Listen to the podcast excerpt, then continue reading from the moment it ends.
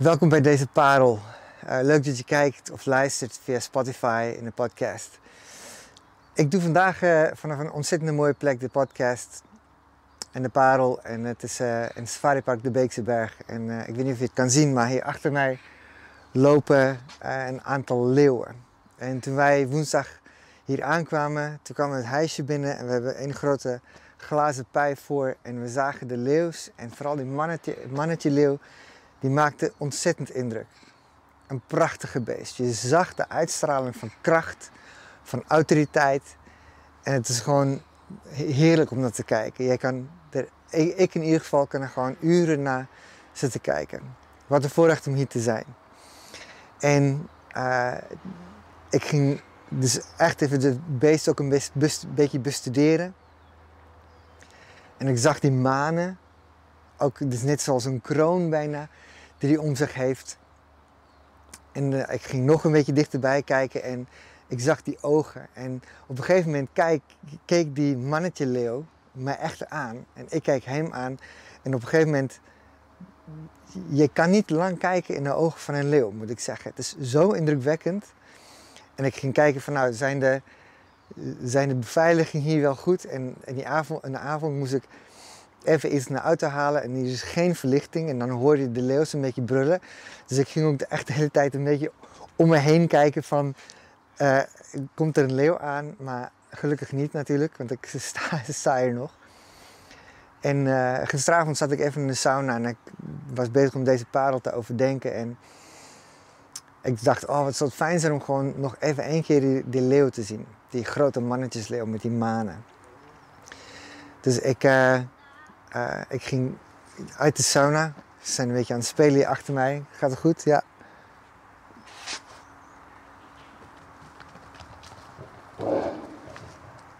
Hoor je dat? Die brul? Nou, ik, uh, ik kwam dus uit de sauna en ik kwam hier staan. En toen ik buiten kwam en mijn ogen werd even gewend aan het donker, toen stond de mannetjesleeuw hier vlak voor mij. En ik dacht, oh, wat mooi, wat indrukwekkend, wat onzagwekkend en wat dwingt de leeuw gezag af. En ik moest natuurlijk ook gewoon denken aan Openbaring 5, waar er staat, toen zei een van de oudsten tegen mij, huil niet, want de leeuw van, uit de stam van Juda, de tel van David, heeft de overwinning behaald. En daarom mag hij de boekrol met de zeven zegels openen.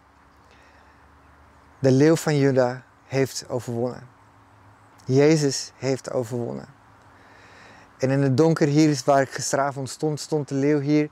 Hij keek me aan om te kijken dat ik geen bedreiging voor hem en zijn tribe vormde. En hij ging, net alsof hij de wacht hield hier, op en neer ging hij wat lopen. En het is niet ijsberen, het was echt even kijken, is het veilig? Is de kust schoon voor mijn familie, voor mijn tribe? En net zo als jij je in de donkere nacht bevindt, dan houdt de leeuw van Juda wacht over jou en over mij en over ons. En laat het jou bemoedigen vandaag.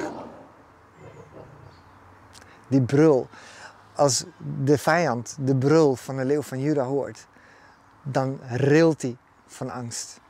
Wij hoeven niet bang te zijn, want de leeuw van Juda is aan onze kant. Ik hoop dat deze parel jou bemoedigt. En ik wil je ook uitdagen om even een documentaire of um, uh, foto's of weet ik veel, iets van een leeuw te bekijken en hem goed te bestuderen. En te zien. En tot je te laten doordringen. Hoe krachtig dit beest is en dat beeld van Jezus. Dat is niks. En ik vroeg ook laatst aan Sion van wat, wat is het nou, wat, wat, vind je van een leeuw?